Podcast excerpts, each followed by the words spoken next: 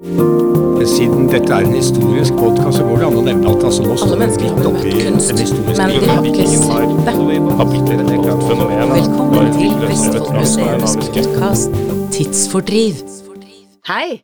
Velkommen til den aller første episoden av Tidsfordriv, en podkast fra Vestfoldmuseene. Jeg heter Ellen Kristine Asplin og skal være en fast stemme for deg som lytter til podkasten. Om du skulle lure, så er jeg utdannet kulturhistoriker, museolog, og så jobber jeg i Vestfoldmuseene. Podkasten du skal få høre i dag, har vi delt inn i to episoder, og vi har gitt den navnet Det angår også deg, kanskje du kjenner navnet på den boka? Del én, som du hører nå, det handler om jakten på kilder, eller bakgrunnsmateriale for de historiene vi velger å dele, og det betyr altså at du skal kunne stole litt på våre historier. Men det betyr ikke at du skal være ukritisk. Lytt. Dette her skal du få høre mer om den neste halve timen. Vi har lagt ut en eh, del to, som er en egen episode, og her deler vi en helt spesiell historie fra annen verdenskrig. Den kan du finne i podkastbiblioteket vårt her. Men da tror jeg vi setter i gang.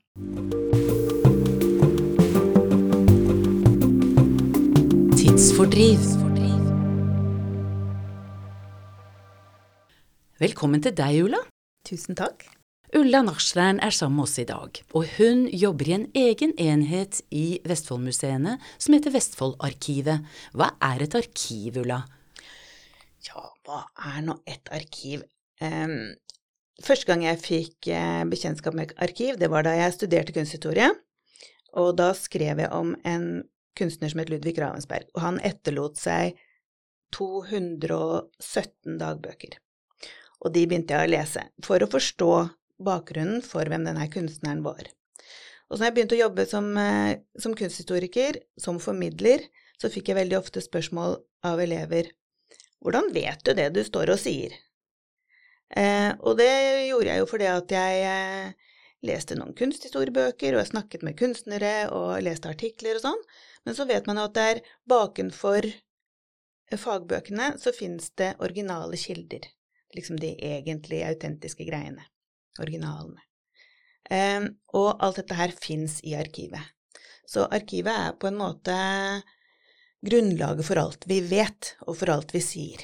Så da vil vi kunne si at eh, arkiv og museum er samfunnets felles hukommelse? Ja, det kan vi si. Det er på en måte slags minnebanker, da, Ja. over ulikt materiale. Mhm. Eh, og når det gjelder arkiv, så er det jo sånn at mennesker har etterlatt seg enormt mye skriftlig materiale opp gjennom tidene. Mm. Og det har vi gjort gjennom ulike virksomheter, uh, ulike engasjementer, både som privatpersoner, gjennom foreningsvirksomhet og organisasjoner som vi har vært engasjert i, og alt det som har blitt gjort i offentlig sektor, f.eks. gjennom staten og fylkeskommunen og kommunene, der hvor vi jobber og der hvor vi har livene våre, så blir det vi gjør, det blir dokumentert og det blir tatt vare på. Og all denne aktiviteten skaper jo enormt mange dokumenter, og mye av dette her blir samla inn og tatt vare på av ulike eh, arkiv rundt omkring i landet vårt, og det kan være organisert på, på mange forskjellige nivåer, da. Så det er på mange måter altså sannheten i samfunnet, det ligger forvart i arkivene våre? Ja, det er i hvert fall grunnlaget for, eh, for, for det vi vet om samfunnet vårt, Ja, rett og slett. Mm, Eh, Det mm. betyr jo ikke at alt som finnes i Norge nødvendigvis er sant, Nei, men det, men det er i hvert fall det vi bruker for å finne svar på, på, på mye av det som har skjedd, da, for å forstå samfunnet vårt. Eh, og da bruker vi jo, ikke sant, arkivmateriale, der snakker vi om møtebøker, man snakker om brev, man snakker om regnskapsdokumenter, men det kan også være fotografier, lydopptak, og det, alt, dette er jo mye sånn papirmateriale, selvfølgelig, som har vært tidligere, men nå er det jo også mye digitalt skapt, da, som er i arkivet. Og så kommer det til arkivinstitusjonene, og for oss så blir jo det da kilder. Kilder til Til fortellinger. Til fortellinger Ja, ja. Og det mm. kan man studere og forske på, på på mange forskjellige måter, og det er det jo mange som kommer til oss og gjør. Det kan være forfattere, det kan være journalister og forskere og studenter, eksempel, og, men også folk som jobber med sin egen familiehistorie, slektsforskere, for eksempel. Så er dette da åpent for alle, altså slik at dere er interessert i enkeltmenneskers fortellinger og, og ting man måtte finne når man rydder, eksempel? Ja, altså De fleste arkiv er tilgjengelig for alle, det er liksom målet på et vis. Men det er klart at det fins materiale som er unntatt offentligheten eh, av personvernhensyn. Så, eh, så, ja, så det spørs litt på, på hva som ligger i materialet. Ja, det forstår jeg. Så noe er, eh, altså, noe er tilgjengelig, og noe er ikke tilgjengelig. Men hvis eksempel jeg finner noe når jeg rydder på loftet etter min eh, bestefar, um, da vil arkivet være interessert i det? Ja, hvis denne bestefaren har vært med på en eller annen virksomhet som kan være med på å si noe om en større historie i samfunnet, så, så kan det jo være det. Eh, men det kan jo også være at eh, små eh, altså enkeltskjebner eh, er jo også en del av historien på sitt vis, ikke sant? Så det, så det kan jo være med at det er kanskje akkurat en puslespillbit, da, som man en eller annen gang seinere vil kunne ha glede av. Ja, og det er, det er jo det som er så spennende, da. Man vet jo aldri helt hvilke fotografi eller hvilke brevveksling som får en rolle når historier skal settes sammen. Og det er det liksom med arkiv, det er veldig magisk. Altså når du kommer inn, det er litt sånn Harry Potter-feeling. Altså, Ja, ikke ja. sant? Historien vår på rekke og rad. Mhm. Man tror det er veldig støvete i et arkiv, men det er det som regel sjelden. Altså det er veldig ryddig og fint. Ja, ordet arkiv bærer jo litt sånn uh, gamle dager Ja, i seg. ja, det gjør det. Mm, Men eh, mm. det er, det er heftige ting. Altså det er de originale greiene, liksom. ja. Yes. Og det er på det veldig mye av vår moderne formidling, da, som du sier, har hentet uh, informasjon fra. Og eh, da tenker jeg på i vår tid når vi nå er utsatt for det som heter fake news, da må jo arkivers rolle være veldig sentralt. Selvfølgelig, for det er jo en eh, korrigering, Ja, rett og slett. Mm, ja, det er mm, det. mm.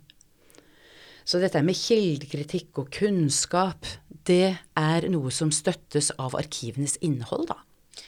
Og det er jo selve ryggraden i det. Ja, Ja. Og det sier jo noe om viktigheten, ikke sant. At vi må faktisk være ganske oppmerksomme på at vi kan alle sammen sitte på noe som arkivet kan ha glede av å motta. Ja, det er det. Da er det bare å ringe. Send en e-post, gjør det. Gjør det. en e-post, ikke Ja. sant. Og det, og det gjelder altså lokalt i Vestfold for akkurat vårt vedkommende. Mm. Men det fins da, som du sier, også riksarkiver, det fins eh, regionale arkiver. Ja, statlige, det finnes fylkeskommunale, det finnes eh, på kom, kommuneplan, og så har vi da Riksarkivet som har med det statlige å gjøre. Mm. Og jeg lurer jo litt på da, når vi vet at når vi spør ut i samfunnet, så mener mennesker at historier, de formidler sannheter. Det er i hvert fall en fortolket, ikke sant, og som er tuftet da ofte på arkivmateriale når vi formidler noe. Så museene og arkivene har et samfunnsoppdrag der.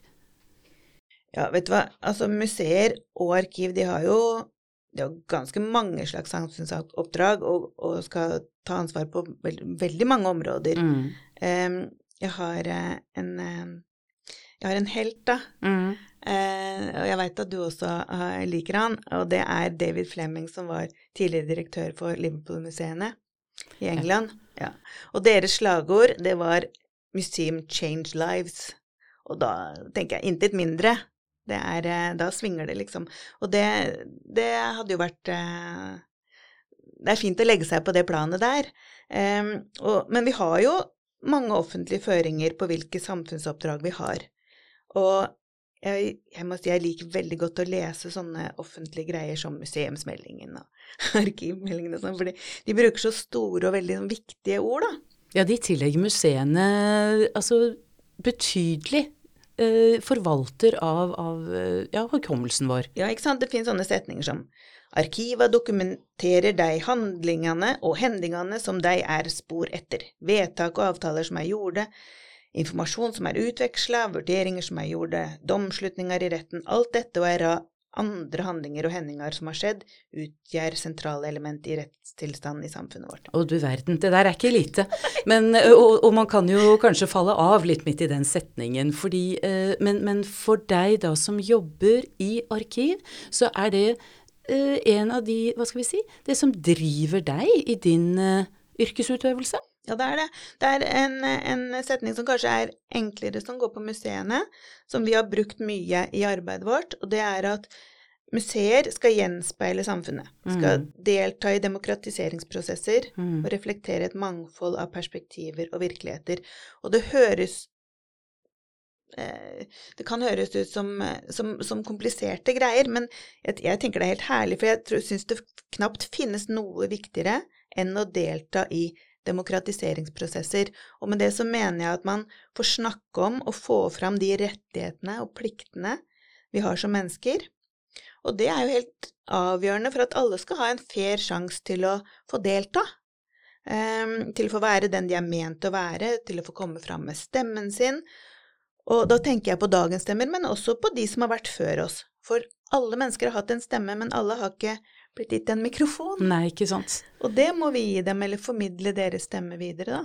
Ja, Det er jo en veldig bra måte å si nettopp museenes sant, Hvordan vi opplever arbeidene i museet, og, og mm. viktigheten mm. av å møte folk der ute. Uh, men ditt personlige driv, da, Ulla? Å gå fra å være kunsthistoriker til å bli arkivarbeider? Arbeider var kanskje litt dårlig sagt, hva syns du? Ja, altså hva skal jeg si Altså, kunsthistoriker Jeg, jeg, jeg syns jo det var helt fantastisk å, å jobbe med det også.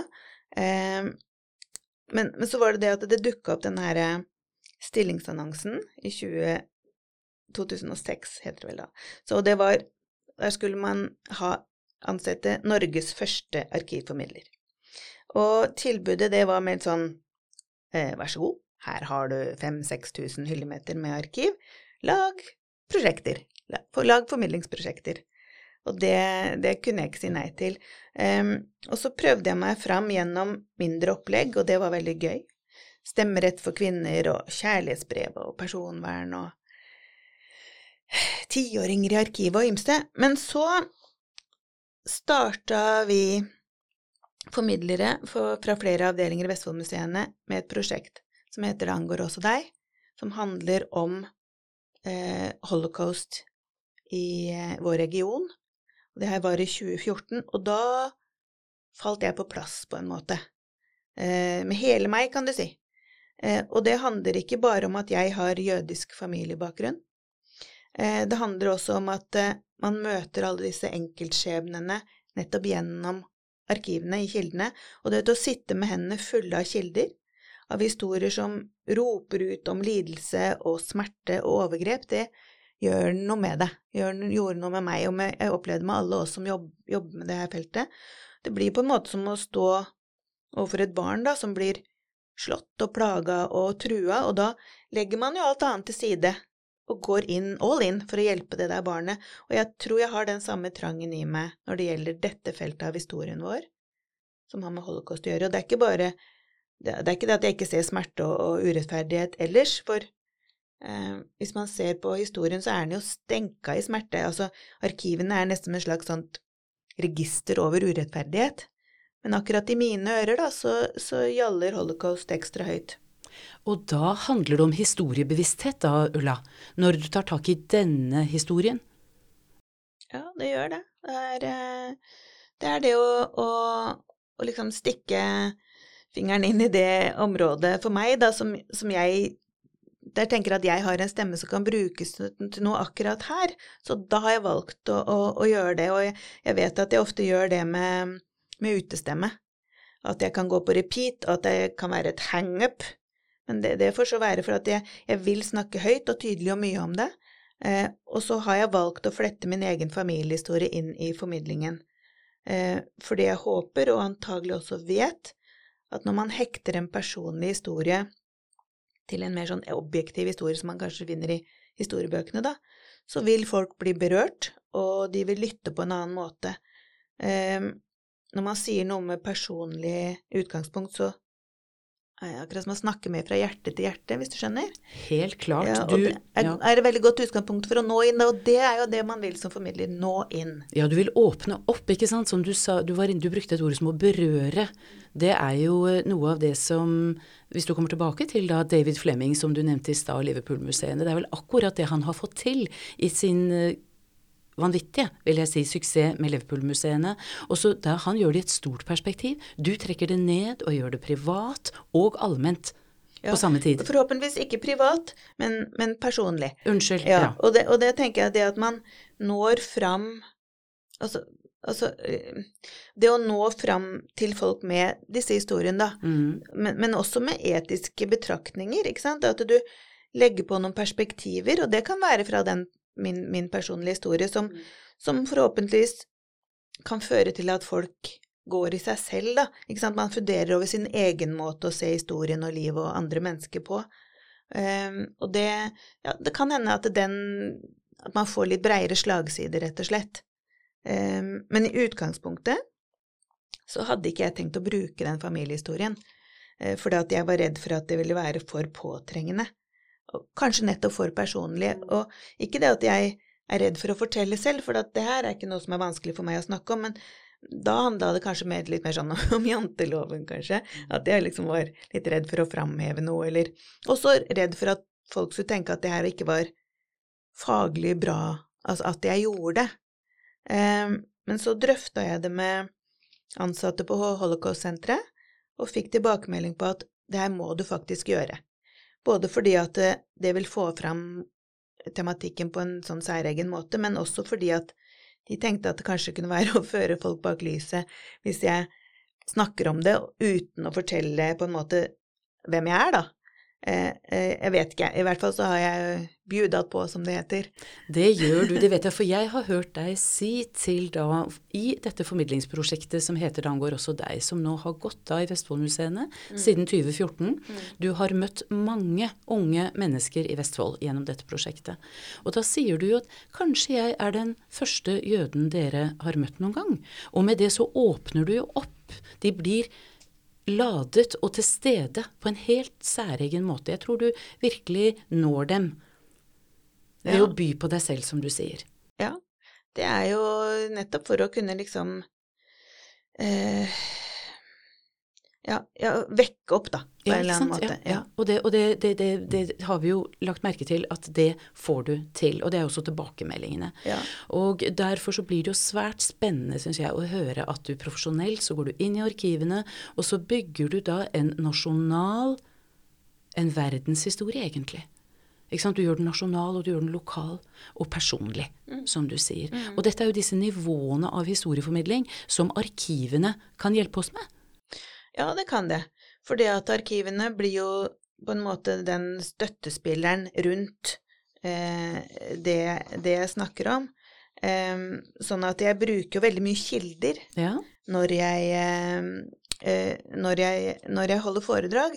Og det er jo fordi at jeg vil vise elevene at jeg ikke har funnet på Ja, det jeg står og, og sier. Det er ikke noe jeg føler, liksom. Nei. Det er noe jeg har belegg for. Det skri, Mm. finnes skriftlig bevis for det. Og Mm. da vil jeg vise at det er gjennom kilder man bygger kunnskap som, som er til å stole på.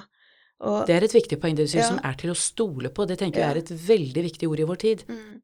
og tenker det å, å, arbeide med kilder, det er det er både veldig enkelt og det er veldig komplisert, fordi at man leter oftere etter noe, ikke sant, man Mm. sitter og skriver eller lager en historie eller Mm. skal forske på noe, ikke sant. Og Man har en slags arbeidshypotese Mm. som man vil ha svar på, et utgangspunkt. Og da er det utrolig viktig at man ikke lar de føringene, da, eh, overstyre lesingen av kildene, ikke sant? Eh, sånn at eh, man ikke velger ut noen kilder eller ser bort fra noen kilder fordi det kanskje ikke oppfyller akkurat det du hadde håpa på, eller det du leter etter. Og hvis man ikke gjør det, så blir det jo bare spekulasjoner, eller i verste fall historieforfalskning. Men det er jo den diskusjonen som nå har gått og går i forhold til store overbygninger, hvis vi da skal tillate oss å snakke om de store fortellingene og de små fortellingene. Akkurat nå så er det nettopp dette med kildekritikk. Det er jo noe som unge mennesker i dag jobber mye med.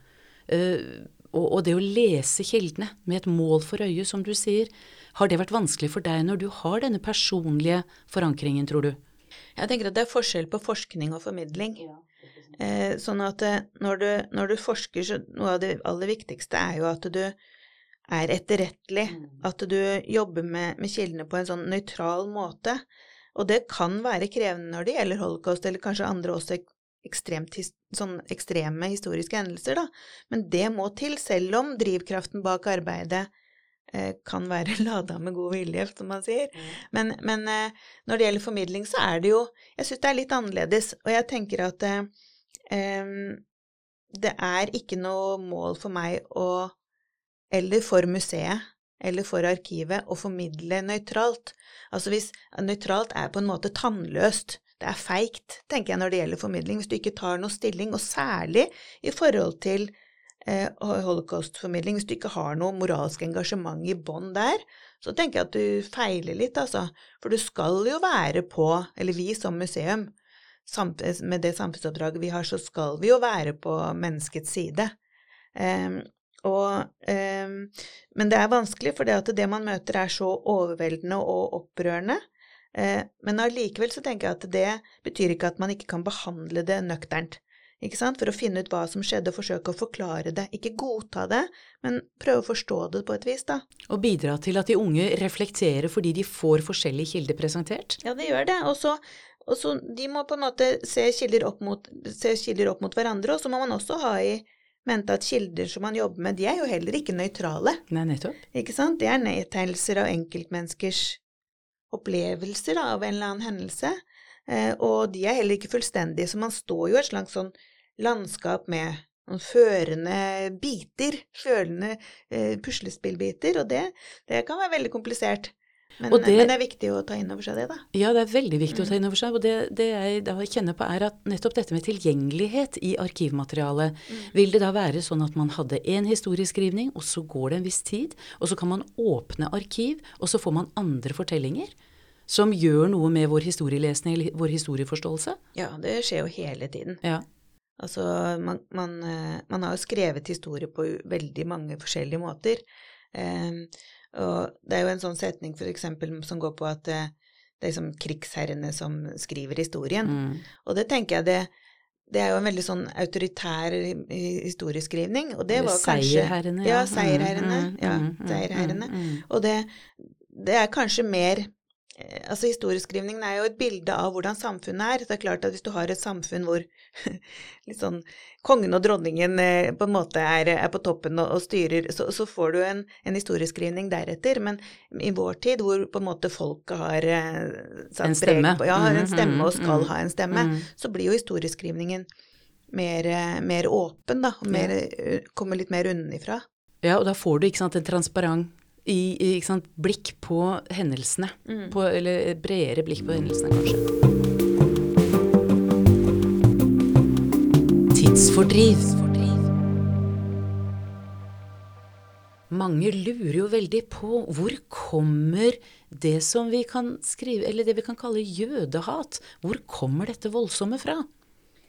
Ja, jødehat er jo et annet ord for antisemittisme, og det har jo kommet til uttrykk på mange vis opp gjennom historien.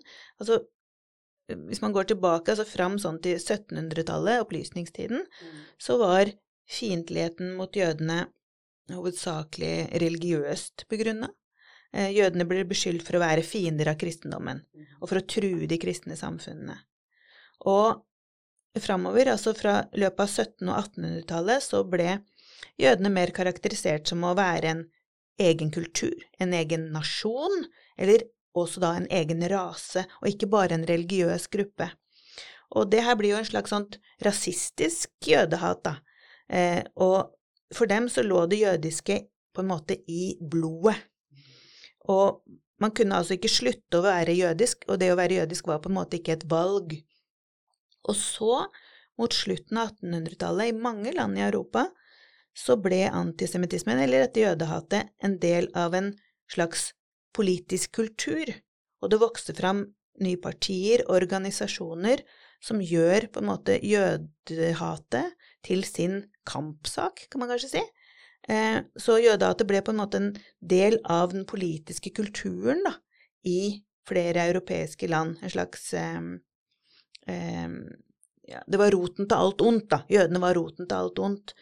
Og, det kjente omkvedet her er å fremstille jøder som mektige og truende, og at de systematisk samarbeider om å, om å ta over styringen av samfunnet, og gjerne ofte gjennom sånne skjulte maktstrukturer. Og det ble hevda at jøder kontrollerte politiske partier, kontrollerte økonomien, mediene, for å fremme seg sjøl eller for å spre kaos og umoral. Eh, og dette var også påstander som nazistene brukte for å rettferdiggjøre sine handlinger retta mot jøder. Så det, for dem, ja, for dem var det liksom, det var Mm. helt nødvendig for dem. Ellers så ville jo deres samfunn, deres kultur og deres nasjon bukke under for det jødiske, på en måte. Ja, de var en definert trussel. Vi og de andre. Mhm. Og de linjene har vi funnet i Norge også, selv om den jødiske historien i Norge er veldig kort. Fordi at fram til 1814 så fikk eh, det som man kalte for sefardiske jøder, som var jøder fra den iberiske halvøya, altså Spania og Portugal, de fikk lov av kongen, var Kristian 5., fikk lov til å reise rundt i Norge med et sånt leidebrev. Men da er vi inne i den dansk-norske perioden. Ja, ikke Mm, sant? mm. Og, og, og da måtte man liksom søke kongen om tillatelse, da. Ellers så ble man utvist. Og det kom jo ikke mange jøder hit da, for å si det sånn.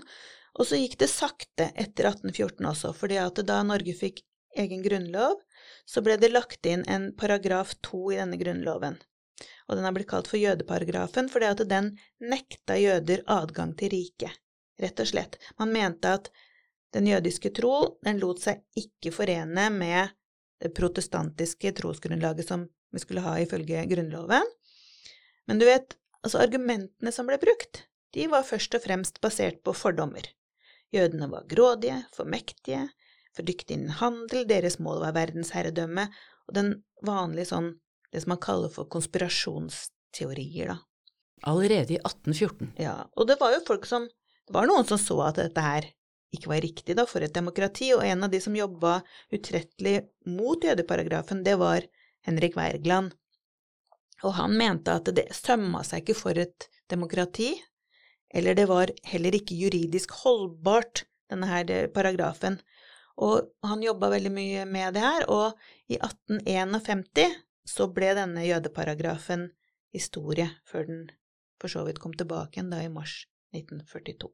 Men det betydde jo ikke at det kom mange jøder til Norge i 1851 og årene etter det? Nei, nei, det kom veldig, veldig få eh, til Norge. Eh, så det, det tok ganske lang tid eh, før, eh, før man hadde noe slags jødisk samfunn i Norge. Eh, på på eh, 1880- eh, og 90-tallet så kom det en del jøder fra, fra Russland. Eh, og når vi kommer fram til krigsårene, da, 1942-1940, eh, så er det rundt 2100 jøder i Norge.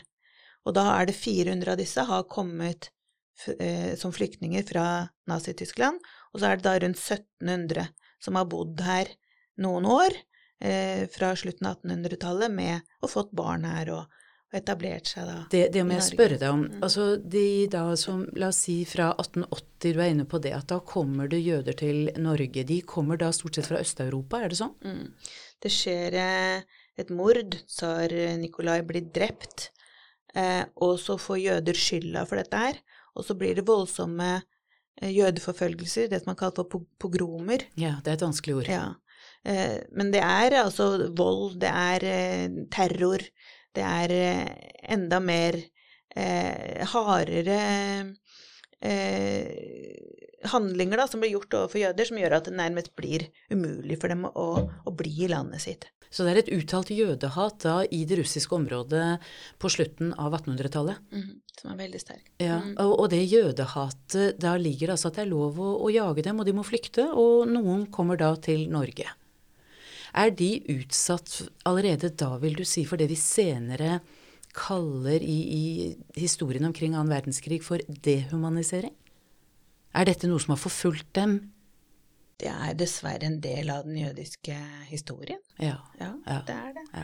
Og det, jeg tenker det som hva, er- hva, hva, Jeg har tenkt mye på dette. Hva er det som ligger bak de her, så her grufulle overgrepene mot enkeltmennesker, da, sånn generelt sett? Hva ligger bak hat?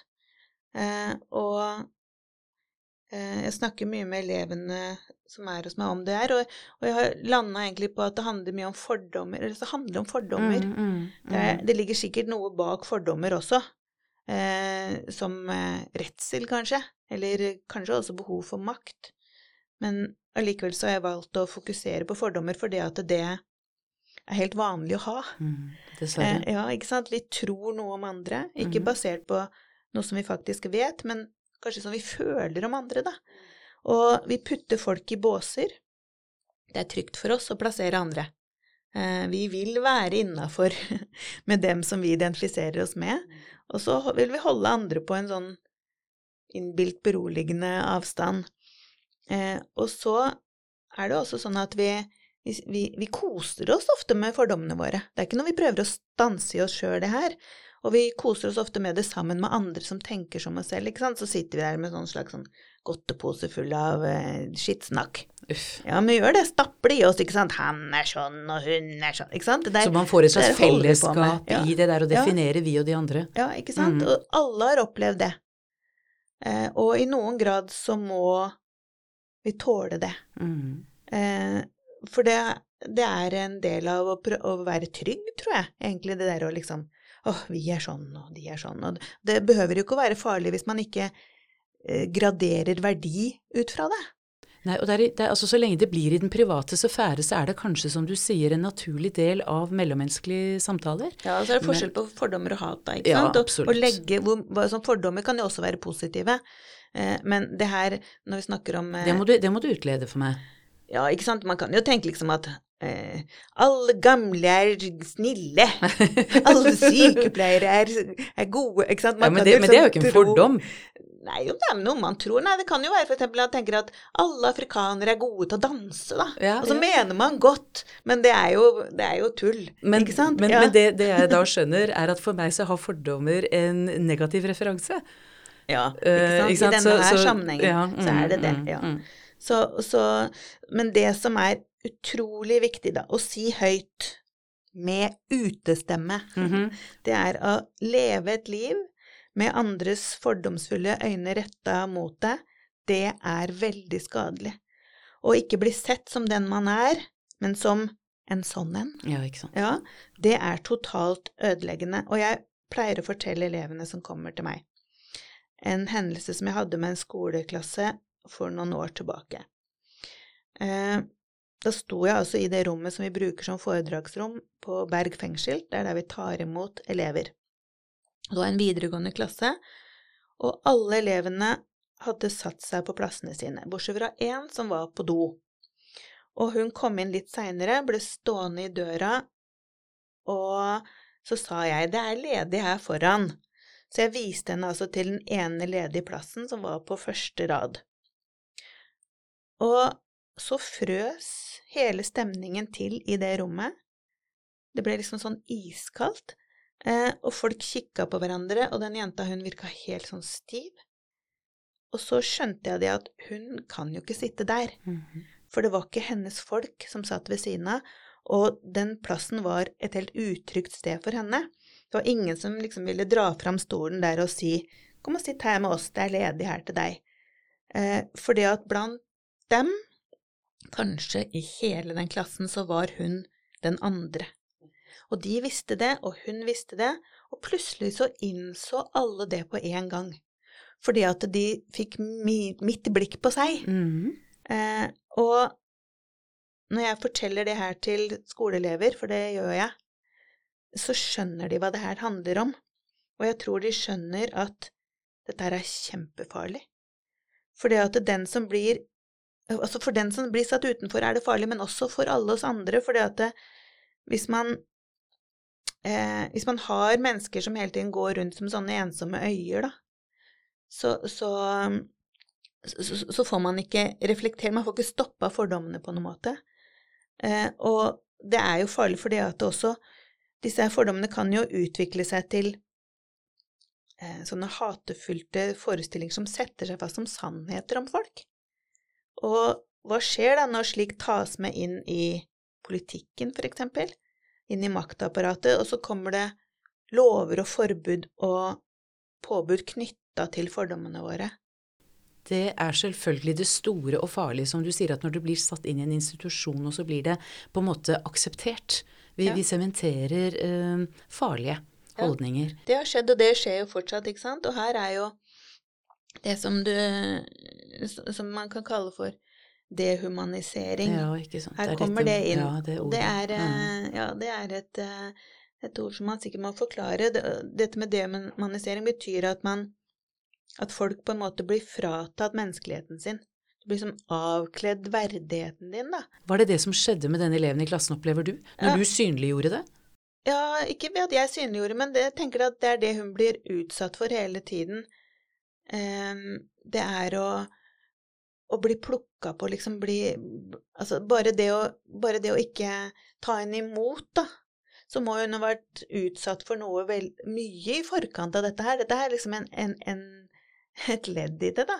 Ja, for jeg tenker jo at hun hadde helt sikkert denne private opplevelsen, eller personlige, unnskyld, Mm, opplevelsen av dette, men plutselig så ble det, som du sier, åpenbart for alle i klassen Mm. at her var det en, en, en underliggende holdning som uh, definerte henne ut. Ja, og det, Og da Det er veldig sterkt. Det er veldig, veldig sterkt, og det som er at man Jeg tror folk som bruker dehumanisering bevisst, Ja. vet at det er sterkt.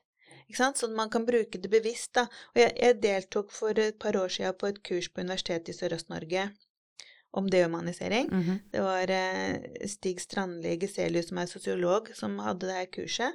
Og han sa at studier om, på dehumanisering viser at når eh, vi mennesker blir utsatt for fiendebilder av en Mhm. gruppe, Mm.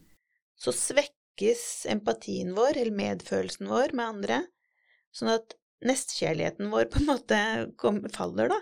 Sånn at vi blir Når vi blir utsatt for det, når vi ser det mange ganger, så blir vi både likegyldige, eller vi kan til og med bli både mildt eller svært fiendtlig mot dem som blir omtalt som eller vist fram på, på negative måter.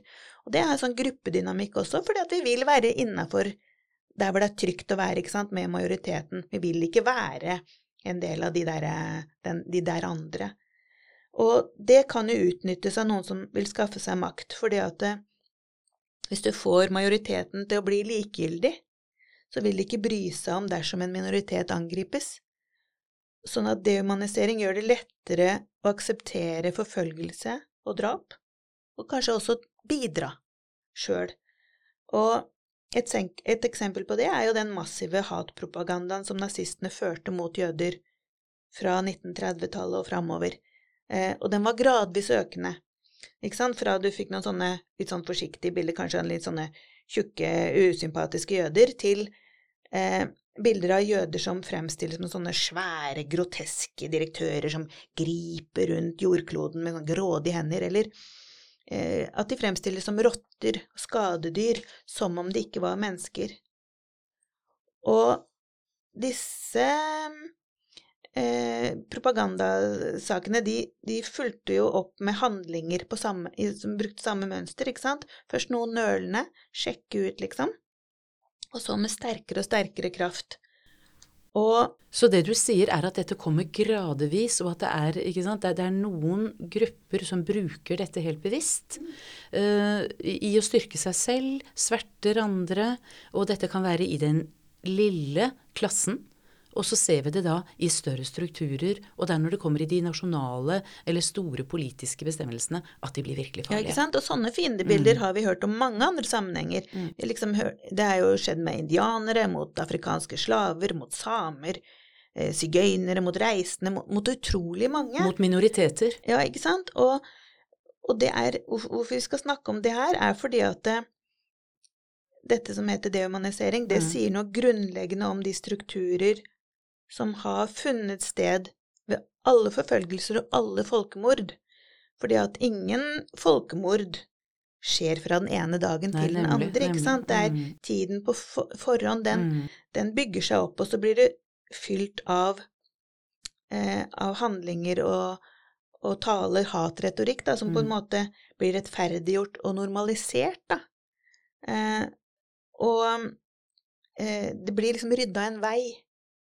Og den veien eh, Hvis man snakker om dette historie, med historiebevissthet Ja, ikke sant, for det er jo det ordet Ja. som, som kommer til meg nå. Ja. At det eh, museene og arkiv kan bidra med her, er jo nettopp å sette lys, eller bruke utestemme, som du sier, på noen av disse strukturene, fordi du forvalter arkivene, du vet noe om kildene, dette har skjedd, og så kan du belyse og bidra til historiebevissthet. Ja, ikke sant? Fordi at den veien fram mot f.eks. et folkemord, den Mm. kan være gjenkjennelig. Nettopp. Fordi at man har sett det før. Ja, ikke, ikke sant? Ja, ja.